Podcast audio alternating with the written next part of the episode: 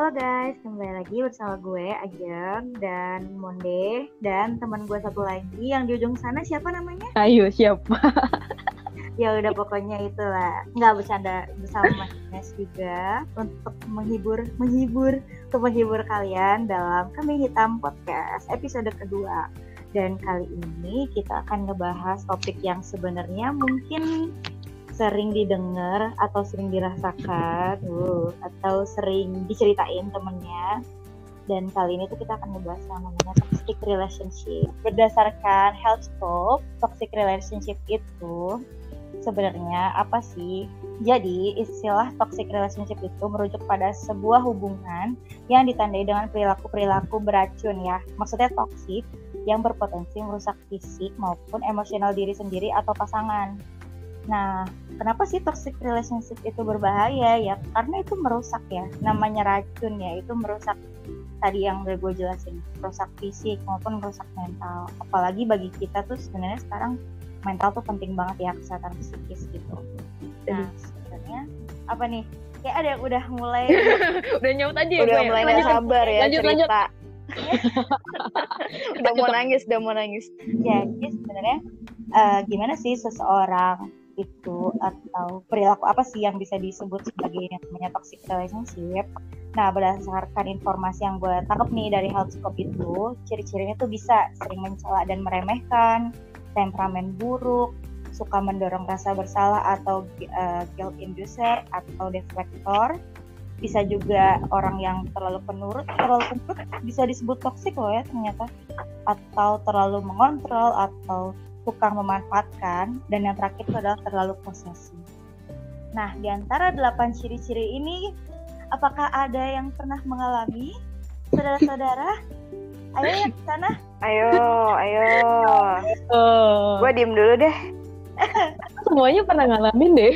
aduh aduh aduh aduh aduh berat berat topik hari ini Oke, mau deh eh gimana Nes sud, sud, gambreng deh, gambreng.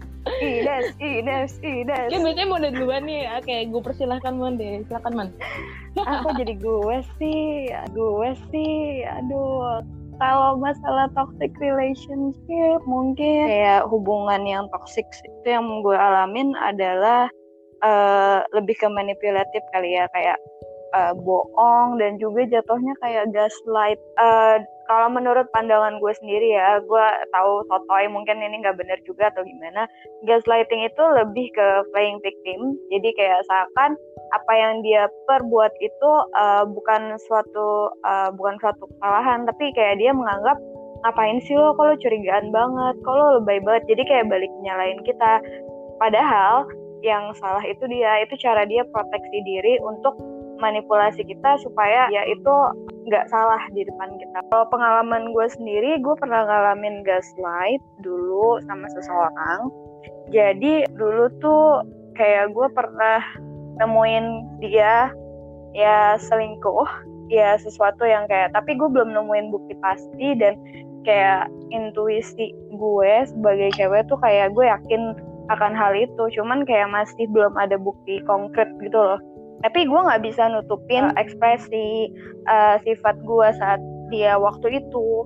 Gue tuh kelihatan banget kayak ada yang ganggu pikiran gue sehingga dia nanya gue kenapa? Sampai akhirnya jawab gue merasa kayak ada yang aneh uh, gue merasa kayak gue langsung menjurus pertanyaan lo lo selingkuh ya kayak gitu gitu cuman di saat itu gue tuh ngerasa gue bego dan kayak uh, berhasil gitu dia manipulasi gue seakan tuduhan gue itu salah. Seakan apa yang gue omongin itu nggak ada bukti apalah. Kok lo bisa berpikiran seperti itu dan lain-lainnya. Sampai akhirnya uh, mungkin ada yang pernah di posisi kayak posisi kayak gue kali ya di saat lo menemukan sesuatu yang gak benar, cuman memang lo nggak punya buktian atau lo nggak ada sesuatu yang bisa membuat jadiin bukti untuk ada yang ada di pikiran lo itu, untuk yang uh, lo rasakan itu, lo belum punya bukti konkret, jadinya tuh dia memanipulasi gue seakan gue itu emang overthinking, gue lebay, gue itu uh, gak bener, padahal endingnya emang dari tangan Tuhan kali ya, gue dibantu dikasih jawaban sampai akhirnya gue tahu kalau kenyataannya itu nggak seperti itu. Dan makin ke sini gue makin tahu kebohongan-kebohongan lainnya. Jadi itu benar-benar uh, toxic relationship yang sampai saat ini sih mungkin masih berpengaruh dan bikin gue insecure untuk uh, lebih milih-milih orang atau percaya sama orang. Nah, itu benar-benar ini ya, udah ibaratnya dia udah salah nih, udah sering, udah cheater. Terus udah gitu dia memanipulatif. Jadi kan kayak double gitu ya. Udah dia selingkuh, terus dia manipulatif. Jadi kayak bohong juga gitu pertama dia membohongi lo juga terus dia membohongi diri sendiri juga dengan seolah-olah enggak kok nggak selingkuh gini-gini ya ternyata padahal sebenarnya ya ya dia melakukan itu gitu cuman memang belum ada bukti aja jadi kayak ya gampang lah kita diputar balik Iya, dia merasa aman. Nah, jadi kayak itu tuh semacam tamengnya dia untuk uh, berada di zona nyamannya dia. Jadi dia nggak mau kehilangan apa yang dia punya saat itu. Jadi saat dia tahu gue nih cuma apa ya belum ada bukti atau kayak gimana mana dia akan mencari segala cara untuk ibaratnya tuh gue merasa disudutkan seakan-akan gue yang salah kayak gue jadi minta maaf ke dia. Dan itu nggak cuma sekali dua kali ada juga momen di mana kayak dia berbuat kesalahan ujung-ujungnya gue yang ngerasa bersalah dan kayak kok gue jadi begini? Dan gue ngerasain kok momen-momen di saat gue tiba-tiba menjadi lebih uh, emosian jadi lebih sensitif. Uh, gue merasa dia itu lebih cenderung ke nyalahin balik ketimbang dia mengakui apa yang uh, dia perbuat apa kesalahan dia buat gue itu jatuhnya juga bohong dan cheater. Dan uh, itu pun juga nggak cuma pas udah putus pun masih dengar kok cerita-cerita dari orang sana sini atau gimana. Apalagi kan di, lingkungan sekitar gitu ada aja yang bilang ke gue saudara gue sendiri pun pernah bilang kalau kayak setiap ditanya alasan putus apa dia nggak cover dirinya dengan bilang gue itu nggak mau lagi sama mahasiswa kayak begitu karena menurut gue it's not the point why we are breaking up. Dan memang uh, gue sempat memaafkan kok ke perbuatan itu. Tapi dia buat gue merasa kayak gue akan kesepian dan sedih gitu kalau dia nggak ada saat itu. Jadi gue memilih untuk memaafkan. Tapi uh, sejalan dengan hubungan kita yang terus berjalan setelah kejadian itu gue nggak bisa bohong kalau mungkin uh, perasaan gue tuh sama Kak Aman menghilang dan gue udah mulai bodo amat dari situ dari situ gue kayak uh, dia nggak nyariin ya udah gue nggak peduli gitu toh gue main-main kayak uh, mungkin saat itu gue pertama kali ketemu lagi sama Ajeng setelah beberapa lama. Nah di saat itu tuh kalau nggak salah ulang tahun gue, uh, dia gak nyariin gue sama sekali. Tapi ya gue nggak masalah ya udah gue nikmatin aja gue main-main sama temen gue. Padahal mungkin di saat itu teman-teman gue pun gak ada yang ngeh kalau hari itu hari ulang tahun gue. Tapi ya gue nggak peduli. Gue kayak fokus sama diri gue sendiri gue nggak terlalu uh, mikirin uh, dia ke mana ya kalau biasanya kan cewek lebih insecure dan needy kan saat itu gue sadar kalau gue udah mulai berkurang. Uh, lu gimana, Nes? Atau ada yang mau nambahin atau nanya? Kayak lumayan berpengaruh banget ya berarti sama hidup lo gitu. Kalau gimana, Nes? Apa lebih parah? Menurut gue case-nya Monde ini ini banget sih kayak gitu itu ngerusak banget ya benar-benar toxic banget. Lo gimana, Nes? Kalau gue mungkin lebih ke manipulatif ya. Dia tuh selalu nuduh gue kalau gue cheating jadi sebenarnya bukannya maksud untuk mengungkit sih kita ngebahas podcast ini atau gimana tapi hmm, ya buat kita belajar dari pengalaman yeah. aja karena kan kita semua juga udah lewatin ini semua kan nah, kita udah happy dengan pilihan kita sendiri sekarang. Jadi ya mau mengungkit pun gue rasa udah bukan momennya lagi. Jadi ini buat pelajaran aja. Hmm. jadi manipulatif. Yang si sebelumnya ini si mantan gue yang ini adalah dia tuh selalu nuduh gue cheating. Padahal kan ya kalian sendiri juga tahu gue gak pernah selingkuh kalau pacaran kan? Terus manipulatifnya tuh kayak gini. Dia tuh selalu nuduh gue cheating. Contohnya kayak ya hampir 24 jam sih gue harus share log live location ke dia. Jadi kalau misalnya itu mati. Kan itu kan bisa paling lama itu kan 8 jam ya live location. Terus kalau misalnya gue lagi banyak kerjaan atau kayak terus mati terus gue lupa update atau gimana dia dia akan nelfon nelfonin gue dia akan marah-marah. Ya itu ya itu parah sih. Tapi kita pernah jadi saksi loh Jeng saat dia moto-motoin menu apalah yang menurut gue gue sendiri nggak bisa seperti itu.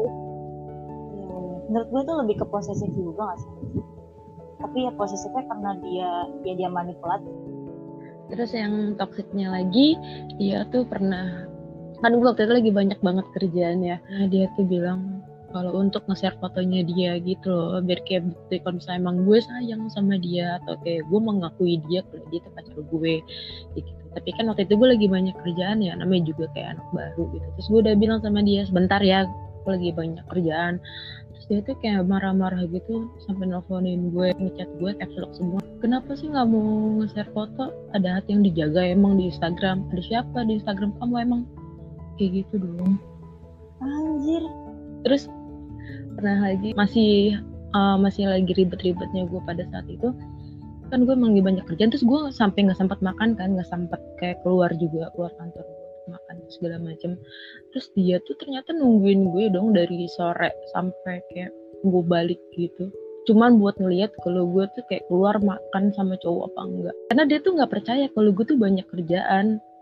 Hmm, hmm, hmm, jadi dia nungguin gue di depan gerbang kayak ibaratnya kayak buat pergokin gue gitu loh. Padahal gue makan aja nggak sempet gitu. Gimana gue mau ke depan kantor kan sumpah ya. Kayaknya lo harus ngasih kerjaan deh nih ke dia nih biar dia nggak ngurusin orang banget ya dia kurang kayaknya itu. Ya udah berlebihan banget sih kalau sampai seposesif parah itu.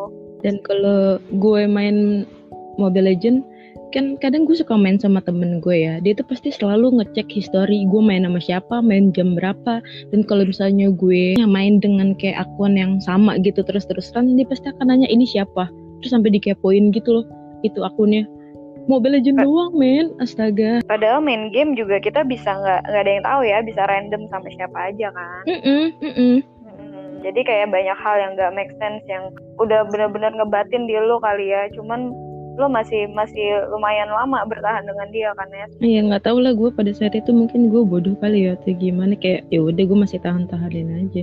Dan ternyata emang bener dia dibuka semuanya ya ternyata dia yang cheating. Dia yang sebenarnya tuh nggak mau gue kayak dia. Benar itu tamengnya dia. Uh, dia memanipulasi lo seakan-akan uh, dia takut kalau lo melakukan hal itu padahal ya dia takut kayak gitu karena dia tipikal orang yang kayak dia mau selingkuh tapi nggak mau diselingkuhin. Betul. Mm-mm. gimana ya kayak udah udah kelewat banget ya menurut gue tadi kayak udah manipulatif iya. Terus cheating iya posesif iya psycho iya. Ya memang namanya di dalam hubungan perselingkuhan itu tidak ada yang baik guys. Gini deh sebenarnya kenapa sih seseorang harus selingkuh? Coba deh kasih gue alasan kenapa misalkan si A selingkuh dari si B pacarnya kenapa? Karena mungkin menurut gue dia merasa tidak cukup padahal apa yang dia dapat itu udah lebih dari cukup. Jadi kayak dia tuh masih kayak lirik sana sini kayak kayak nggak mikirin perasaan orang aja. Itu pun menurut gue bukan salah kita ya yang sebagai diselingkuhin itu bukan salah kita tapi salah dia yang nggak bisa jaga hatinya sendiri kalau menurut gue dia akan merasa hebat gitu loh kalau bisa naklukin banyak cewek. Oke, tipikal pak boy ya. pucuk boy, pucuk boy. pucuk boy, pucuk boy. ya, ya, jadi jadi kayak gimana ya se seorang tuh akan berani berselingkuh kalau tadi kalau kata Mondi kayak merasa nggak cukup, merasa apa sebenarnya bukan sebenarnya semuanya tuh udah cukup gitu. Berarti berarti kayak dia nggak bersyukur ya gak sih? Enggak bener-bener. Ap- akan apa yang dia miliki, ya udah one is enough. Terus kalau kayak tadi kata Ines selingkuh itu ya karena dia merasa hebat. Hah, siapa yang bilang selingkuh itu hebat ya nggak sih sebenarnya? Kalau kita ya bagi kita, karena menurut gue justru orang yang bisa bertahan sama satu pasangan, orang yang tetap cinta gimana pun kondisinya itu yang lebih hebat ya nggak sih? Iya iya iya, bagus bagus. Bagus bagus. Kayak gue- Contohnya Pak Habibie kali ya yang bisa kita jadiin contoh. Ya, gila itu mah. Kadang gue suka berharap kapan ya gue dapet kayak gitu ya. Jadi gimana ya kayak tadi kan gue baca toxic itu bisa meliputi mental maupun fisik ya. Kalau Mm-mm. yang kalian selama ini alami mental aja kan atau gimana? Atau mungkin ada perlakuan verbal kayak misalkan lo diomongin apa gitu terus atau jangan-jangan sampai ada kekerasan fisik atau apa yang benar-benar ya membuat lo nggak bisa lupa gitu lo sakit hati banget Kalau secara fisik itu gue nggak pernah mengalami, verbal juga enggak karena dari awal pun gue udah sangat no sama cowok yang eh, dari ngomong aja tuh kasar kayak misalnya biasa ngomong anjing atau gimana gimana ya. Nah, karena menurut gue eh, dia kalau ngomong kayak ngomong kasar aja enteng gitu, apalagi pas lagi marah. Dan kalau apalagi kalau kasar itu gue nggak bisa. Jadi gue nggak mau kalau sama cowok-cowok kasar dari awal. Nah, berarti setelah yang kalian alami nih kayak tadi uh, apa ya manipulatif lah dan segala macam. Terus tadi gue udah nanya kalau sebenarnya alasan kenapa selingkuh dan lain sebagainya dan berapa lama lo berdua tuh bisa cheer up lagi gitu loh. Maksudnya itu tuh benar-benar nyakitin hati banget. Itu benar-benar ya ampun kalian tuh baik, kalian bahagia bahagia aja sebenarnya gitu. Tapi karena satu cowok ya kucek kucek boy itu ya kayak lo tuh pasti jadi ngerasa insecure lo jadi ngerasa pikiran banget lo tuh mau banget banget melanjutkan hari-hari lo kayak oh gue sedih banget ya gitu loh gimana caranya kalian berdua tuh bisa bisa cheer up lagi gitu um, kalau menurut gue kita cheer up itu adalah kalau menurut gue sendiri ya. Abis kita putus itu jangan kayak mungkin ada orang yang bermindset kalau misalnya abis putus itu cari pacar baru lagi maka kita bisa move on. Itu gue nggak begitu. Ya iya benar benar. Ada ada ada jadi teman kantor gue yang juga bermindset kayak gitu.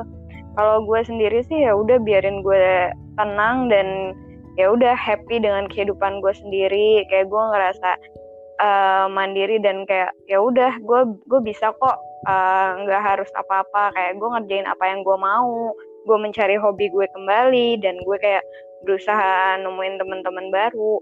Dan di situ pun gue juga ngerasa jujur lebih insecure sih setelah kejadian itu kayak gue lumayan lama ngejomblo setelah itu mungkin hampir 2 tahun.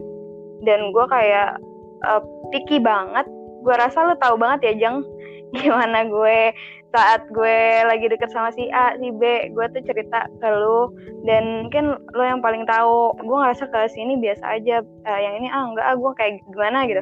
Sampai akhirnya orang sendiri pun sempet kayak mikir gue tuh lesbi coy. Gue sempet dipikir sama kayak pun, gitu. Siapa? Sama gue juga dikira gitu anjir, gara-gara fit lama jomblo. gitu, dikira kayak gitu. Kesel banget gue di, dikira lesbi karena kayak mungkin gue juga ada kan cerita ke orang lain selain ke Ajeng kayak gue gue bilang gue uh, deket sama ini nih deket sama ini tapi kayak ah enggak gue biasa aja kok gue nggak tergerak ya kok gue gini gini gini ya. Gue tuh kayak ah, lu lesbi kali lu hati-hati ya kalau ada temen tomboy yang dibilang kayak gitu yang tiba-tiba datang ke lu ngecurhat. Gue bilang oh please gue masih pengen punya anak gue masih pengen ini gue nggak sampai kepikiran ke sana. Cuman memang belum ada aja saat itu ya yang buat gue ngerasa yakin dan buat gue ngerasa kayak percaya lagi. Karena memang gak segampang itu dan butuh butuh proses gimana ngeyakinin gue pasti setelah kejadian itu um, mungkin kriteria gue lebih bertambah dan makin makin insecure dong. Nggak bisa gue gue nggak mau jatuh ke lubang yang sama. Kayak gitu sih kalau gue dulu. Karena gue orangnya nggak banyak pacaran dan untuk nyari yang top bener-bener sefrekuensi sama gue sendiri tuh butuh waktu banget buat gue. Apalagi untuk ibaratnya gini ya uh, ada beberapa tahapan gitu. Lo tuh harus ngehapus lukanya dulu terus lo harus berkontemplasi sama diri sendiri dulu ya kan. Lo terus menanyakan gitu lo mau sebenarnya apa sih yang lo cari apa kayak gimana. Terus tahu-tahu misalkan ada laki-laki yang dekat tapi kalau misalkan memang waktunya tidak tepat atau ternyata orangnya tidak tepat ya ya buat apa gitu ya nggak sih iya benar benar benar iya tapi time. lucu ya ada yang bilang ya Allah kalian sumpah ada ada. Dan gue gak nyangka ada juga yang bilang kalau kayak gitu Nes. Iya teman kantor gue anjir ada yang bilang kayak gitu saking gue lama jomblonya kan kesel ya. Iya kalau gue tuh sampai dibilang kayak gitu juga. Cuman ya gue mikirnya ya udahlah gue masih otak gue masih lurus kok. Gue nggak nggak akan menjurus ke situ juga. Cuman ya memang memang belum mau gimana sih? Kayak Mm-mm. belum ada yang meyakini hati gue kalau gue mungkin lebih ke mental banget sih parah banget Kenapa ya? Karena gue emang benar-benar ngelihat sendiri kan gimana dia cheatingnya. Terus ya udah Ajeng pun juga tahu kan setelah kejadian itu gue nangisnya kayak gimana nelpon Ajeng. kan gue orangnya pikiran banget ya. Dan itu tuh bener-bener emang ngefek ke semuanya saat itu seharian gue bener-bener nggak makan. Terus sampai yang kalian tahu sendiri kan kayak pada saat itu tuh gue jerawatan banget parah. Parah yeah, banget. yeah, yeah. ngaruh-ngaruh ke hormon juga ya karena stres. Ya ini itu parah banget. Dan banyak banget orang yang malah mengira kayak ah lu jorok sih. Ah lu nggak pernah cuci muka sih. Gini gini gini. Kalau jerawatnya sana sekarang? Tapi mereka nggak tahu apa yang dalam gue gitu. Apa yang jadi beban gue bukannya malah ngebantu beban gue malah nambahin beban gue dengan covid jerawat gue. Kesel gue. netizen bu. Sabar. Tejo bu tejo dia. Iya lu belum kena butejo aja. Makin stres lu. Dan proses healingnya susah banget sih. Maksudnya bukan karena gue move dari dia bukan bukan. Tapi karena lukanya udah susah banget. Terus untungnya sih waktu pas kejadian itu pada hari itu besoknya kan gue langsung kena stripping program gitu kan dua minggu. Gue nggak libur-libur kan jadi ya udah lumayan pengalihan sih pada saat itu. Emang sih. Kayak kalau kalau dikasih kesibukan kerja tuh kita kita lupa ya. Bukan lupa sih kayak uh, terdistract. uh, terdistract mm -hmm. dari apa yang kita pikiran gitu. Tapi ketika lo udah ngalamin kesibukan itu lo pasti sempat ngerasa kayak kok sedih banget ya masih ngerasa suka kayak sepi dan gitu gak sih Nis? Lu ngerasa kayak kosong gitu nggak sepi setelah putus? Enggak sih, justru gue malah ngerasa lega. Gue ngerasa Sama. lega, gue beban gitu nggak tahu. Arsan kan sedih ya sebenarnya, tapi kayak bener, bener, bener. ya gitu sebenarnya lebih ringan gitu badan gue ngerasanya jadi kayak ya udah gue akan ngelakuin apa yang gue mau pada saat itu. Gue lebih sayang sama diri gue sendiri sih. Eh, gila keren gue setuju banget. Mungkin karena uh, kesalahan bukan dari kita ya nih kita juga ngerasa ya kita udah melakukan yang terbaik sama ini. Tapi kalau misalnya bukan mengharapkan balasan yang baik juga tapi kalau apa yang kita lakukan itu namanya relationship ya harusnya kan relation itu imbang gitu kan. Iya. tapi kalau misalnya nggak seimbang apa yang kita kasih bukan padan sama apa yang harusnya kita dapatkan ya kita ngerasa lega aja ngelepasin beban itu iya. hmm, jadi kayak nggak ada perasaan regret atau apa justru jujur gue juga sama sih lebih lega rasanya karena ya dengan kalian sudah menyudahi gitu ya mm-hmm. saya itu ngerasa lebih bebas ngerasa lebih sayang sama diri sendiri ngerasa lebih tahu diri sendiri tuh maunya seperti apa tipikal yang apa ya laki-laki yang benar-benar baik di mata kalian tuh pasti udah berubah kan kriteria dan sebagainya jadi kayak mm-hmm.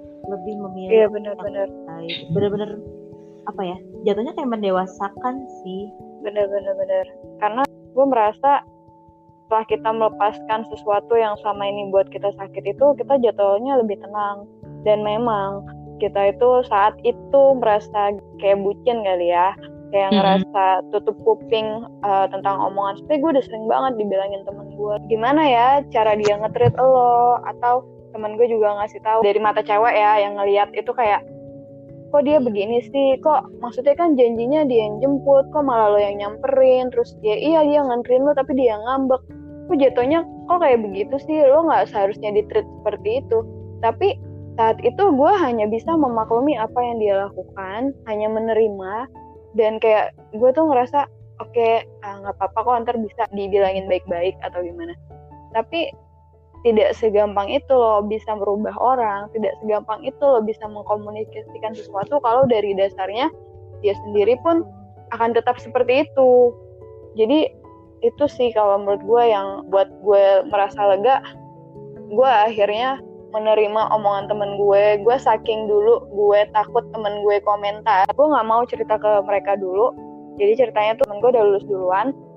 Jadi setelah gue akhirnya lulus juga kita janjian di suatu tempat dan gue akhirnya gue cerita tentang kejadian itu dia tuh langsung shock dan kayak aduh mon kenapa masih lo maafin saat itu? Jadi dia tuh kayak yang lebih encourage gue dan bilang coba lo list lagi orang ini nih pas lo lagi netral orang ini nih cocok gak sih untuk masa depan lo nanti? Baru gue sadar dan gue letting go aja. Ya, orang itu nggak akan pernah bisa berubah. Maksudnya harus dari dirinya sendiri untuk berubah jadi lebih baik nggak bisa kita suruh mm-hmm. berubah hati gimana nggak akan pernah bisa.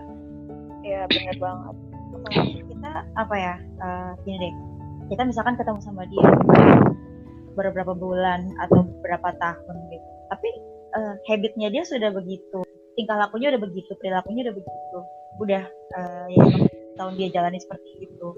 Apalagi kayak misalkan emang tipikal orang yang cheating tipikal yang orang manipulatif mau kita udah sayang apa pun mau kita sebutin apa pun mau kita berkorban di mana pun tapi kalau emang dasar orangnya begitu jangan harap kita bisa merubah dia. Dia dan Tuhan doang bisa berubah. Semakin gede kita akan semakin picky sih orang seperti apa yang kita pengen jadi pasangan kita di ke depan. Ya. Kita sanggup gak sih uh, hidup sama nih orang nih seumur hidup pola pikirnya harus seperti itu sih. Iya. Apalagi ya kayak uh, pasangan lo ketika marah itu mm -mm. perlakuan dia ke kita harus lihat sih. Jangan sampai ya kayak uh, kalau yang sering gue baca di Instagram atau di Twitter ya kayak misalnya ada kekerasan verbal ada kekerasan fisik. Wah gila kalau itu udah lu alamin pas pacaran please don't jangan lanjutin itu ke tahap yang lebih serius. Untung gue nggak lanjutin ya. Untung lo sadar ya Nes ya. Untung dateng ya. Iya ya. Cipmang satu itu. Ih berat banget ya obrolan kita cuy tapi kalian lebih lega gak sih sekarang? Jauh lebih lega dan lebih bahagia setelah ya udah lewat aja gitu of course lebih happy. Karena uh, gue akhirnya nemuin yang sesuai sama gue mau. Walaupun apa ada aja omongan miring orang karena uh, dia itu teman deketnya mantan gue tapi gue nggak peduli karena yakin dari pilihan hati gue sendiri. Gue memilih karena gue merasa ini orang tuh uh, kayaknya memang yang gue cari deh dari banyak aspek yang selama ini gue pernah jalanin sama dia. Selama lumayan lama dia ngeyakinin gue 8 bulan sampai akhir kita pacaran. Kalau gimana Nes? Gue ngerasa lega banget sih setelah ngelepas semuanya. Terus apalagi setelah gue ketemu pacar gue yang sekarang ya, dia bukan cuman hanya uh, bisa sayang sama gue, tapi dia juga ngajarin gue gimana gue bisa lebih sayang sama diri gue sendiri juga nah dulu tuh setelah kejadian itu gue tuh bener-bener kayak berharap banget berdoa banget gue bisa dapet cowok yang bener-bener bisa jadiin gue satu-satunya yang gak macem-macem yang gak pernah ngelirik kanan kiri. Pokoknya bener-bener bisa jadiin gue satu-satunya sampai akhir nanti. Yang satu-satunya mungkin satu-satunya dia pacarin dan satu-satunya yang dia nikahin nanti. Dan makanya akhirnya gue ketemu sama si satu ini. Sebelumnya gue pernah ketemu sama yang lain juga tapi gue merasa mereka tuh nggak bisa jadiin gue satu-satunya. Ngerti ya? Hmm. karena keyakinannya kan ada di diri lo sendiri nih mm -mm.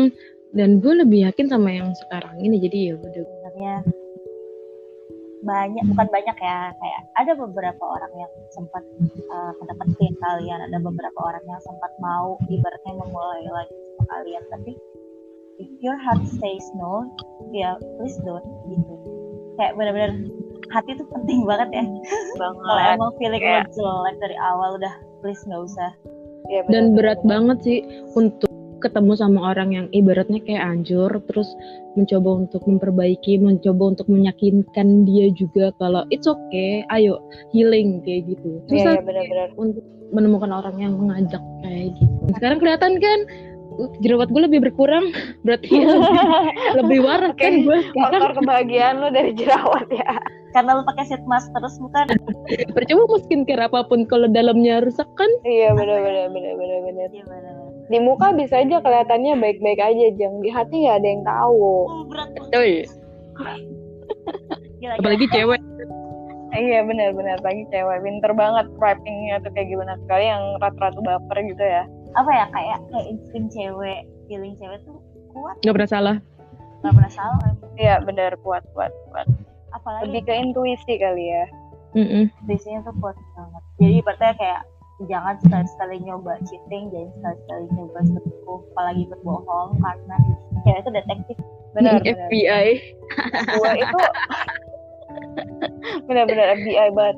Gue itu sebenarnya tipikal orangnya tuh ya nggak nggak pedulian banget nggak mau yang cari tahu nggak mau kepo banget biasa aja. Tapi di saat sesuatu itu yang mengganggu pikiran gue gue bakalan kepo itu bener-bener parah banget cuman uh, gue bener-bener gue juga kayak gitu. Bener-bener. Bener gue juga bakalan parah banget. Kayak dulu pun uh, mantan gue tuh pernah kayak karena ketahuan selingkuh dia gara-gara itu dia jadi ngasih alamat email? Gimana sih untuk uh, ngeyakinin dia kalau dia tuh akan berubah dia nggak begini? Jadi dia akan melakukan apa pun gitu. Entah dia ngasih alamat email dia lah sama pasportnya dan lain-lain. Setelah saat itu uh, gue bisa tahu hal lain yang menurut gue uh, oh ternyata emang gue nggak bisa sama orang ini kayak gitu. Bener-bener ya. Luar biasa guys obrolannya. Kayaknya ini harus disponsorin sama psikolog ya ya obrolan. Biar kita lebih enak ya. Anjir ya nah ya udah jadi gue mau coba uh, ngerangkum ya kayak dari awal. Sebenarnya uh, toxic relationship itu bukan cuma istilah loh tapi benar-benar nyata di sekitar kita. Dan ciri-cirinya itu ada banyak banget yang tadi gue sebutin. Either manipulatif bohong cheating dan lain sebagainya. Jadi kalau misalkan memang uh, para pendengar kami hitam podcast ini merasa ada beberapa ya nggak sih? Satu atau beberapa aspek yang tadi gue sebutin wah kalian harus be aware karena siapa tahu udah uh, masuk tuh kalian di dalamnya namanya toxic relationship. Dan toxic relationship itu gak cuma nyerang psikis ya bisa nyerang uh, fisik juga. Bener-bener yang sampai kepikiran banget atau kayak tadi ini cerita sampai dia nggak pengen makan seharian. Wah gila itu udah nyerang banget kan. Kayak lo nggak pengen makan lo nggak pengen melakukan apa pun tapi percayalah kalau uh, kalian memang mau yang terbaik ya udah keluar aja dari relationship itu dan akan lebih lega dan iya benar benar benar gimana guys ada pesan-pesan lagi yang lainnya gimana mon kayaknya udah kali ya udah lah ya berarti ya. udah lah ya okay. udah dari semua juga kan dari Ines Monde dan Ajak dalam Kambing Hitam Podcast episode 2 Toxic Relationship. Jadi see you on next episode. Dadah. Dah. Bye.